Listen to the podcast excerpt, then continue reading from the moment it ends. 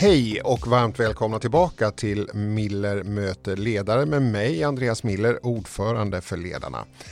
Det känns jättekul att vi kan vara igång igen. Det ska handla om framtiden och de utmaningar som chefer ställs inför, inte minst genom den pandemi som fortfarande pågår när det här spelas in. Idag har jag två gäster. Jag har med mig Nina Oxman, utsedd av ledarna till etta på listan över framtidens kvinnliga ledare 2020. Du jobbar som Vice President med ansvar för Global Operations på Sandvik Rock Tools. Välkommen i den här podden Nina. Stort tack Andreas, mm. jätteroligt att vara här. Ja, kommer strax tillbaka till dig. Men min andra gäst är Joakim Wernberg, författare av Ledarnas framtidsrapport i förändringens riktning och forskningsledare på Entreprenörskapsforum. Välkommen Joakim. Tack så mycket. Jag tänkte vi skulle börja i det faktum att du Nina blev utsedd till första platsen på listan över framtidens kvinnliga ledare 2020. Det skedde precis för en månad sedan när vi spelar in det här. Det skedde den 12 maj och idag den 12 juni. Vad har du fått för reaktioner Nina? Oh, jag har fått många glada tillrop och gratulationer. Och eh, det som förvånat mig det är att många mer avlägset bekanta eller personer som jag så att säga springer på eller kanske inte ens känner kommer fram och uttrycker väldigt varma lyckönskningar och genuin glädje för min skull. Och det har gjort eh, starkt intryck på mig. Att det verkar som att många upplever att det fortfarande finns ett stort behov av den typen av synliga förebilder som ni vill lyfta fram här i Nina, du klev in i ditt nuvarande chefsuppdrag i och med årsskiftet och hamnade väldigt snabbt i världspandemin som alla vi andra. Du har ansvar för den globala försörjningskedjan på Sandvik Rock Tools med medarbetare i nio länder. Förutom att allt varit nytt på ett sätt för dig, vad har varit den största utmaningen i coronakrisen för dig? Jag kom ju in med uppdraget att definiera en ny organisation och bygga en ledningsgrupp för att driva en förändringsresa. Och det är klart att det fick en extra dimension när vi tvingas göra det lagbruket på distans.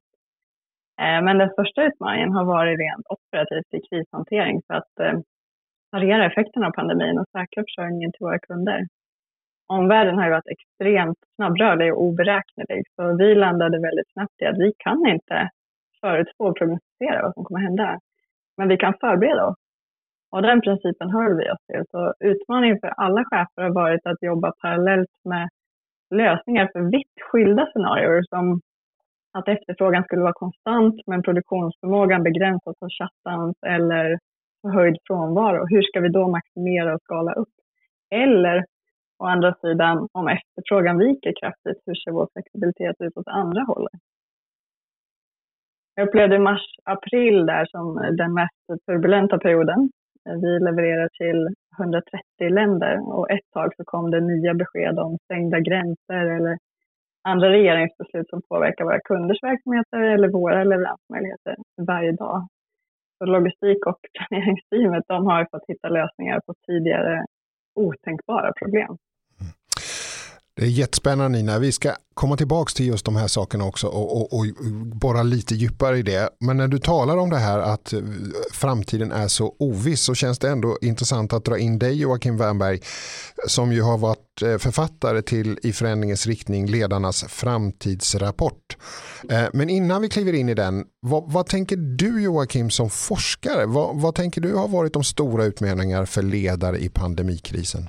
Jag tror eh, både i det stora och lilla så eh, Nina berör en väldigt viktig sak och det är att vi blir väldigt medvetna om att vi inte kan göra prognoser som vi kanske har brukat göra. Vi har levt i en tillvaro där vi gärna försöker att kvantifiera risker. Eh, och sen tänker vi att det som är variabelt i vår omgivning kan vi åtminstone sätta en sannolikhet på. Men den här pandemin visar att vi också måste jobba med stora grader av osäkerhet, alltså risk vi inte kan kvantifiera helt enkelt.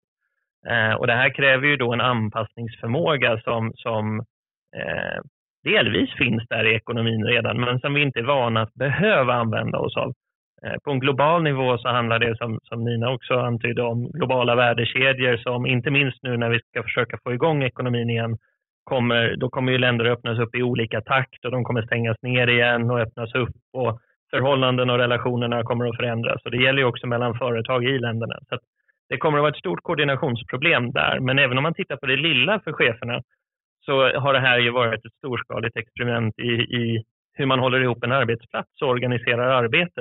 Eh, och där tror jag att det eh, mycket har kommit till ytan som har funnits där i bakgrunden, det här med flexibelt arbete och hur organisationen ska fungera och så.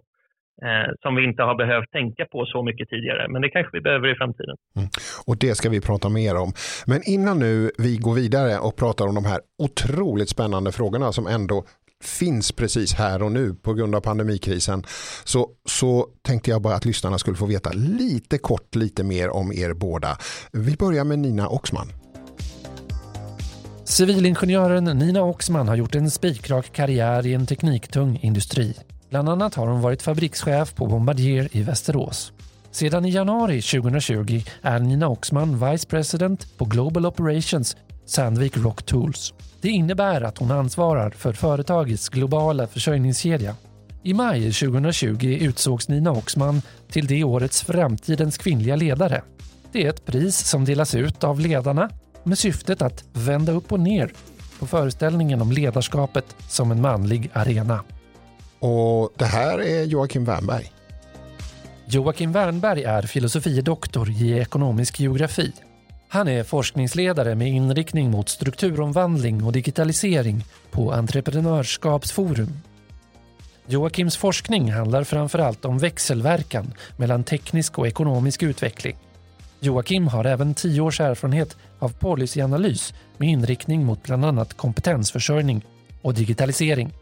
Han har jobbat på en tankesmedja, en konsultbyrå, en handelskammare och nu ett forskningsinstitut.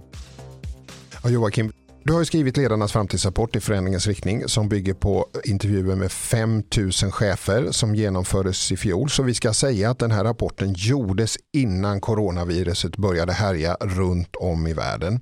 Och vi ska prata om de resultaten men framförallt sätta dem i ljuset av vad som händer nu.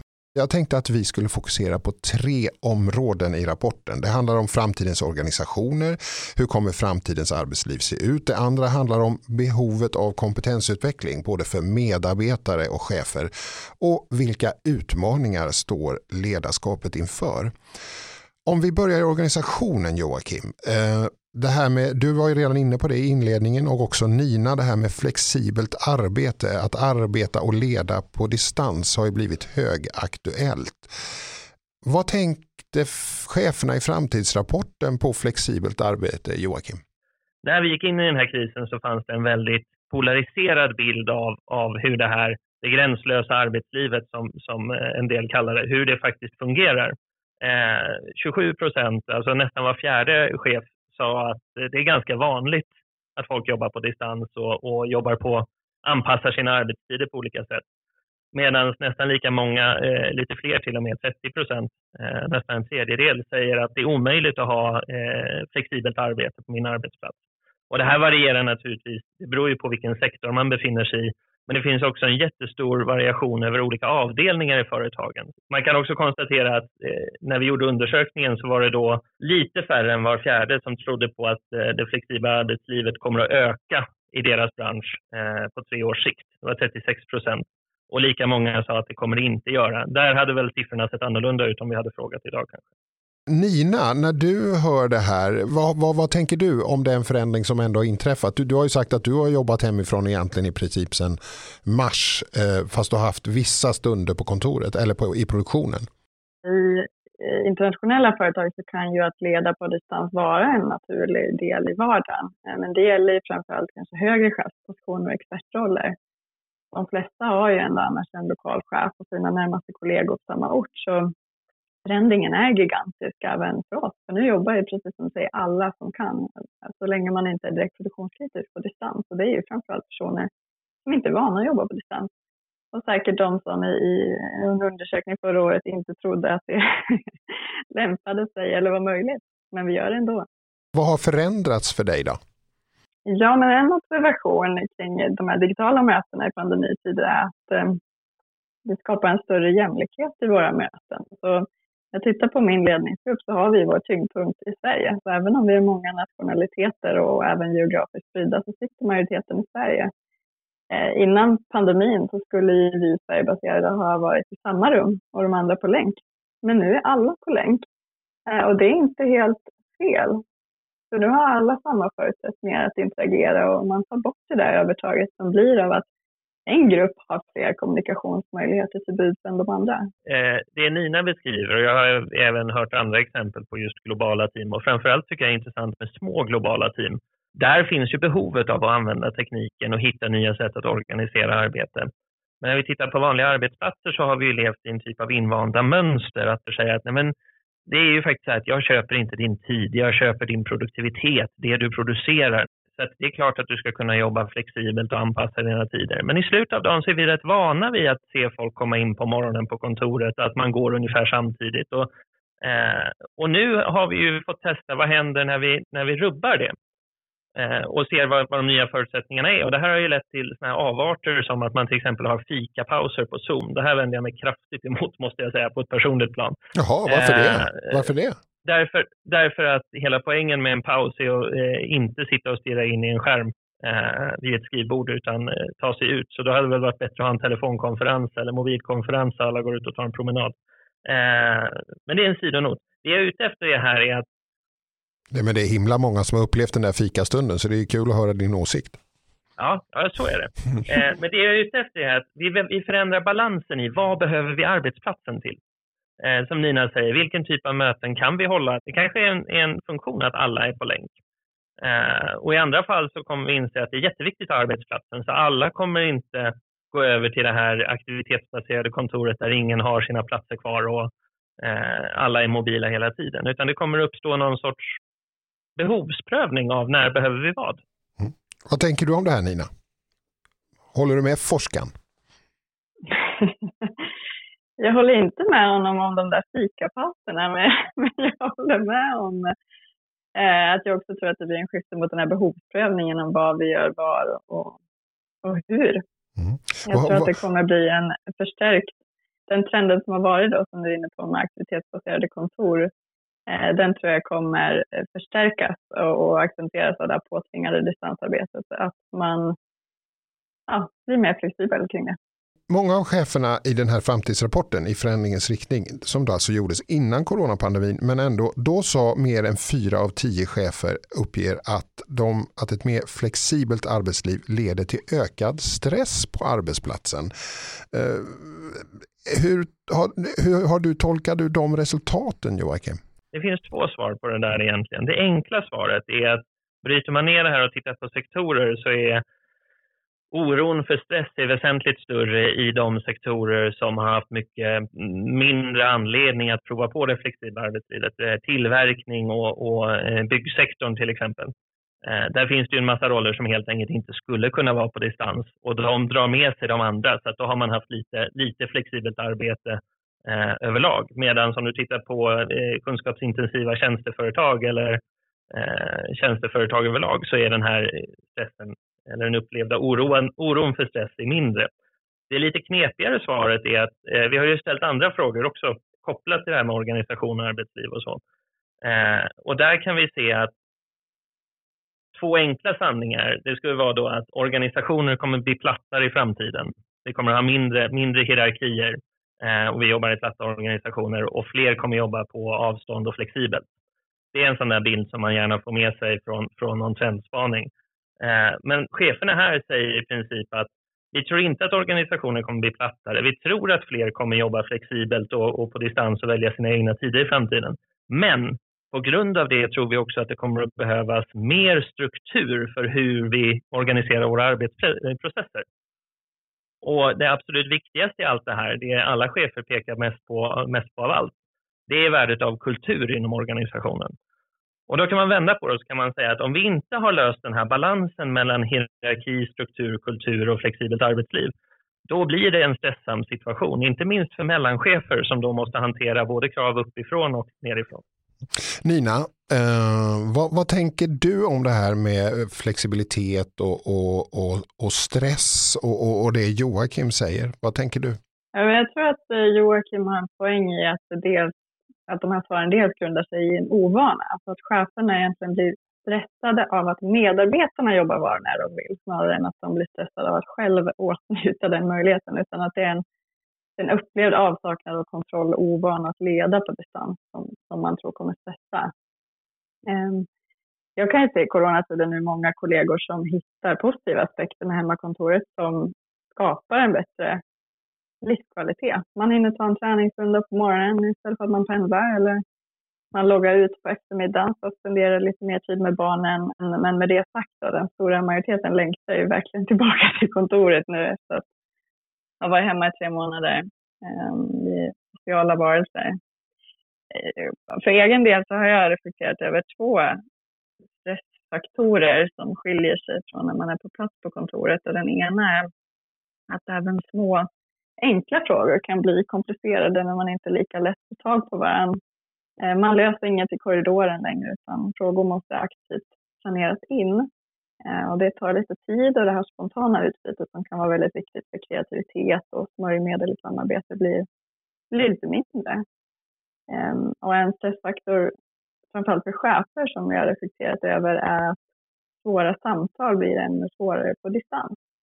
Eh, det är inte lika lätt att skaka av sig upplevelserna eller hålla distans till de här mer krävande delarna av chefskapet när man sitter då hemma själv eh, på hemmakontoret. För är man på plats på jobbet så går man vidare till nästa möte och man får en annan typ av personlig interaktion och social återkoppling eh, som balanserar på ett annat sätt än att man bara loggar vidare på nästa videosamtal.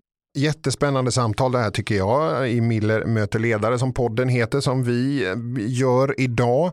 Eh, vi har ju pratat då om den här framtidsrapporten i förändringens riktning. När, man, eh, när vi ledarna talar ju mycket om ledarskapets betydelse och värde och att ledarskapet behöver uppvärderas. Vårt förbundspolitiska program heter Ledarskapets värde. Och Nina, du har ju blivit etta på listan Framtidens kvinnliga ledare 2020. Om, om om du skulle fundera på hur uppfattar du synen på ledarskap i din organisation?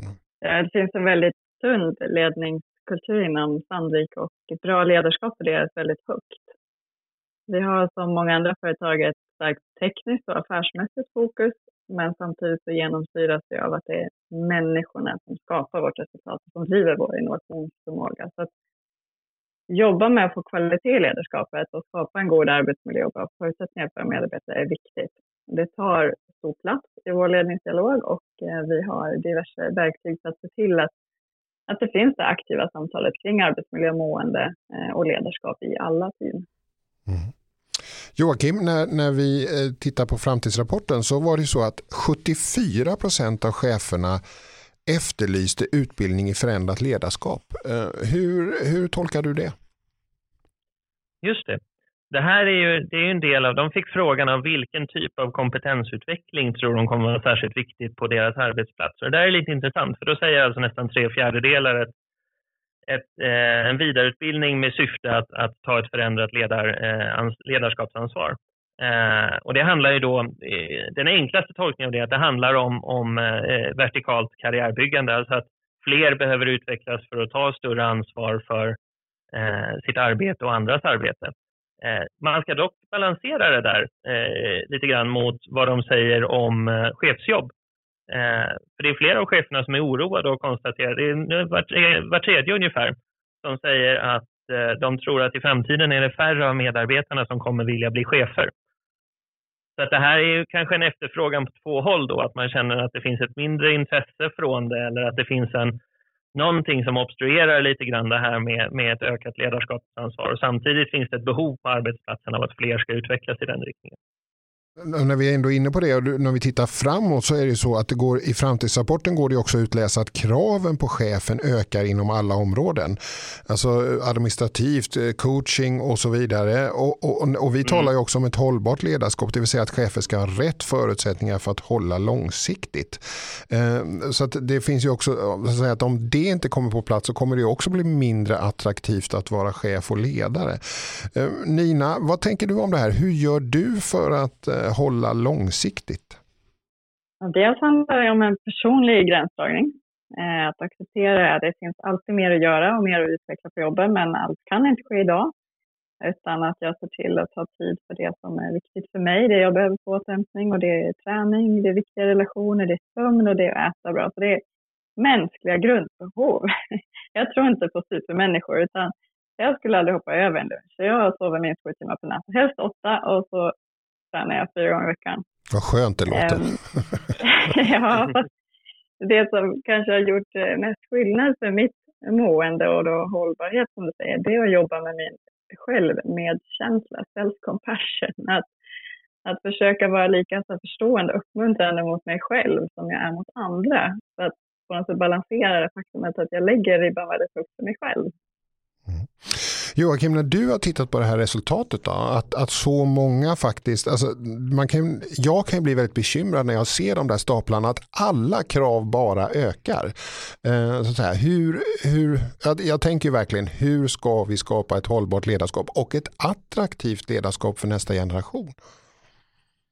Jag tror så här, eh, jag ska förklara varför. Jag tror att vi ska sluta befordra, alltså att karriärsutveckling alltid är att man måste bli chef. Eh, och om man tar sig fram till den slutsatsen då, de, precis som du sa, frågar vi cheferna idag om eh, hur olika typer av arbetsuppgifter kommer öka på chefens arbetsbord i framtiden så tror ju mer än hälften eh, tror i varje fall att strategiskt arbete, coaching och administrativ börda kommer att öka väsentligt eller, eller eh, mycket väsentligt i framtiden. Och det är en ekvation som inte går ihop. Och dessutom så säger då 31 procent, alltså 3 av 10, säger att chefer på min nivå saknar generellt sett kompetensen för att göra chefsjobb på min nivå. Så att då har vi redan där en situation som de, de signalerar ett ohållbart chefskap. Jag tror att svaret på den, den knuten lite grann, det är inte att minska de här kraven utan det är precis det som har hänt i resten av ekonomin. Det är arbetsdelning och det är specialisering. Så därför ska man inte se det som att det enda sättet att utvecklas på arbetsplatsen är att klättra vertikalt och bli chef, utan tvärtom så ska man måla ut chefsrollen som en typ av specialisering. Och inom chefsyrket så kan det finnas olika typer av chefer. Det behöver inte vara one size fits all och så ska man prata om är du en chef eller en ledare, så här är en bra chef, så här ska man göra. Utan tvärtom kanske vi på 10 års sikt eller 15 års sikt kommer att se specialiseringar där man anlitar en chef som ska vara den coachande chefen eh, och en annan chef som ska vara den strategiska chefen, men de har ansvar för samma personer. Nina, vad tänker du om det där framtidsscenariot? Ja, vad spännande tanke.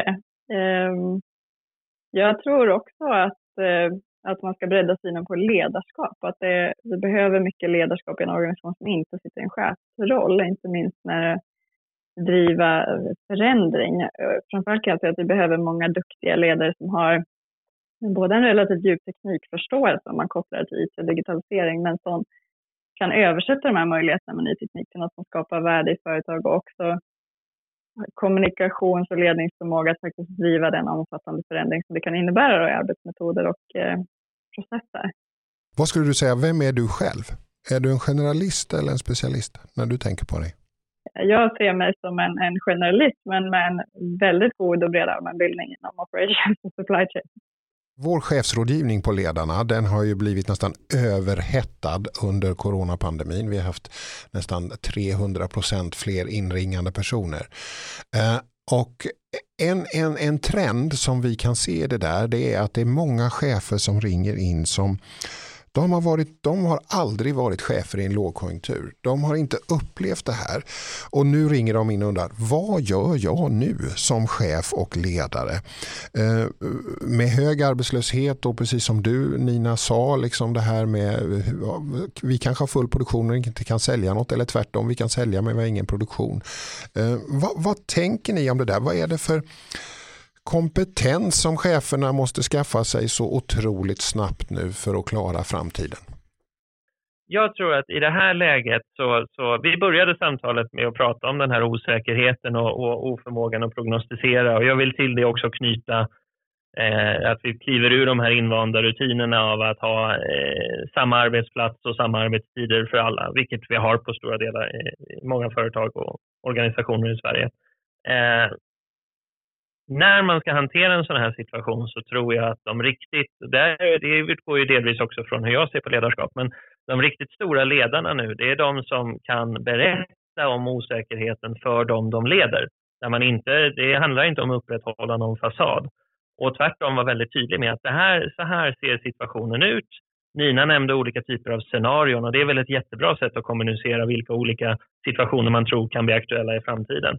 Men också att, att kliva in i, det är, en, det är en, kanske en märklig typ av kompetens, men att kliva in i en roll där man kan experimentera, utvärdera och lära. Hur behöver vi ändra våra arbetsprocesser? Hur anpassar vi oss till förändringar i omgivningen? Eh, och egentligen då sikta på vad, hur lär vi oss så mycket som möjligt tills vi kommer ur krisen. Sen lågkonjunkturen kommer ju finnas kvar efter det också. Och den innefattar väl delvis andra behov från chefer. Ja, Nina, vad tänker du om det Joakim säger? Jag tror absolut att eh, kommunikationsförmågan, öppenheten som Joakim beskriver är, är väldigt viktig eh, och att man kan använda tuffare tider till att som ledare behöva fundera över då, vilka verktyg använder man för att driva både motivation i sitt team eh, och förbättringsarbete i verksamheten. Man kanske inte kan investera och spendera pengar på samma sätt som tidigare och då får man vara lite mer kreativ och det kan vara väldigt utvecklande då som ledare. Kanske kan man säkerställa att den här kompetensutvecklingen kommer genom samverkan med andra företag eller akademi snarare än att vi köper en dyr utbildning eller kan vi utmana oss själva att förbättra vår kapacitet utifrån ökad maskintillgänglighet snarare än att, att investera. Sen då som, som ledare, om man nu hamnar i de här situationerna där man behöver både fatta och genomföra tuffa beslut, så tror jag en, eh, ett krav eller en egenskap som blir ännu viktigare är att man kan vilja på jobbet och sig själv som person, att kunna släppa de här svåra situationerna när man går hem. Nina, innan vi börjar runda av det här så skulle jag ändå vilja knyta tillbaks till din utmärkelse som etta på FKL-listan 2020. Ledarna presenterar ju den här listan för att vi vill bredda bilden av vem som kan och vill bli chef. Och jag har ju pratat med dig om det här och du menar ju att arbetet med mångfalden av chefer måste ske på alla nivåer. Skulle du vilja utveckla det lite i slutet av podden här? Men jag tänker att de företag som bara jobbar utifrån principen att de ska rekrytera in mer mångfald på ingångspositioner, för att det då över tid, om sitter 20-30 år, ska lösa problemet även på högre chefsnivåer. Dels agerar lite för långsamt och inte riktigt tar det problemet på allvar, men, men också att de troligen inte kommer få den effekten som de vill ha. Jag menar då att en stor del av den mångfalden som man försöker rekrytera in kommer droppa ut längs vägen och inte avancera inom företaget om de, när de då tittar sig omkring och framförallt tittar uppåt på säga, möjlighetspyramiden i, i det här företaget, om de bara ser en homogen grupp som kanske, de kanske inte kan identifiera sig med, så är det väldigt lätt att leta möjligheter på andra ställen. Eh, och så tidsperspektivet då såklart, att mångfald är en möjliggörare för ökad innovationskraft och därmed stärkt konkurrenskraft. Då borde man vilja förbättra de förmågorna idag genom att attackera problemet på alla nivåer i företaget där det finns. Joakim, vad tänker du? Vad, vad måste chefsyrket i framtiden, hur ska det vara, bli riktigt aktiv, eh, attraktivt? Vad måste det då präglas av, tänker du? Jag tror ju som sagt på en, en, diversifiering av vad vi menar med en chef och olika inriktning på chefsjobb och det kanske skapar då en högre attraktivitet eh, för en massa olika typer av chefsjobb. Men om man kan vända på det lite så kan man säga vad kommer skapa en riktigt attraktiv chef att arbeta för? För det är också något man sen kan aspirera på att själv bli. Då tror jag det är två saker som, som jag hade velat skicka med. Det första det är att börja arbeta datadrivet, att börja fundera på, Nina nämnde digitaliseringen och, och det arbetet börjar inom organisationen. Hur mäter vi vad vi gör? Är de mått vi använder bra? Kan vi göra det på ett annat sätt? Kan vi göra det snabbare? Och inte för att leta reda på misslyckanden. Misslyckanden är, är i, i termer av att skylla på någon är helt ointressanta. Utan misslyckanden är i sådana fall en möjlighet att lära sig så att man blir den här anpassningsbara organisationen. Och det för oss då till det andra, att man ska inte använda den här datadrivna utvecklingen för att undvika misstag eller för att göra säkra bett. Som vi pratade om i början, skillnaden mellan osäkerhet och risk. Utan i en sån här värld som nu präglas av osäkerhet och kommer att göra det framöver, även efter pandemin, så måste vi hitta ett sätt att realisera lite tokiga idéer ibland. Det finns en bok som heter Loonshots. Istället för eh, moonshots alltså eh, tokiga storskaliga idéer. som är skriven av Safi Bakal. Han säger att de flesta organisationer genomgår de går en balansgång mellan att de som jobbar där vill vara eh, eh projektorienterade eller positionsorienterade. Positionsorienterade, det blir man i en osäker situation när man känner oj, vänta, Riskerar jag att inte bli befordrad, riskerar jag att bli avskedad, då börjar alla säkra sitt revir. Då är det det som är det viktiga. Då är det golvet i organisationen som spelar roll. Men är man projektorienterad, då tänker man hela tiden att utifrån det jag kan skulle jag kunna göra någonting mer här. Då kan jag starta ett projekt och då är det taket i organisationen som är intressant. En riktigt bra chef att jobba för är någon som kan använda data för att utvärdera, men också låter dig som anställd göra den där tokiga idén, så länge du lovar att berätta vad du lärde dig av den efteråt. Nina, är du sån att du låter dem göra tokiga idéer på Sandvik Rock Tools eller hur, hur är du? Absolut. Vi håller precis på och jobbar med vad vi som ledare, eller vad som krävs av oss som ledare för att få den här modiga och kreativa kulturen som, eh, som Joakim beskriver. Och den tror jag är viktig för, för alla yrkens attraktivitet i framtiden. Eh, men jag tror också att framtidens medarbetare och chefer fäster stor vikt vid att kunna vara med och bidra till en hållbar och en schysst värld. Att känna att det här jobbet är inte bara spännande utifrån arbetsinnehållet utan det känns meningsfullt. Så vision och värderingar blir ännu viktigare. Nina, jag tycker att det där var ett jättebra slut på den här podden. Att eh, det handlar också om värderingar och en hållbar framtid tillsammans. Eh, jag tycker det har varit väldigt kul och spännande att få lyssna och samtala tillsammans med er två i den här podden. Ni var oroliga för att den skulle bli för lång. Det tycker inte jag att den blev. Eh, hörde ni, ett stort tack till Nina Oxman, årets framtida kvinnliga ledare till vardags Vice President på Global Operations Sandvik Rock Tools. Det är en väldigt väldigt lång titel det där Nina. Ja, men den är, den, är, den är fin. Den är jättefin. Du, eh, också tack till Joakim Wernberg, forskare knuten till Entreprenörskapsforum och författare till Ledarnas framtidsrapport i förändringens riktning. Som du hittar på ledarna.se. Ladda gärna ner den och läs den. Det finns mycket mer spännande i den än vad vi hann prata om i det här avsnittet. Jag, Andreas Miller, förbundsordförande för Ledarna, ber att få tacka för att du lyssnade på oss idag.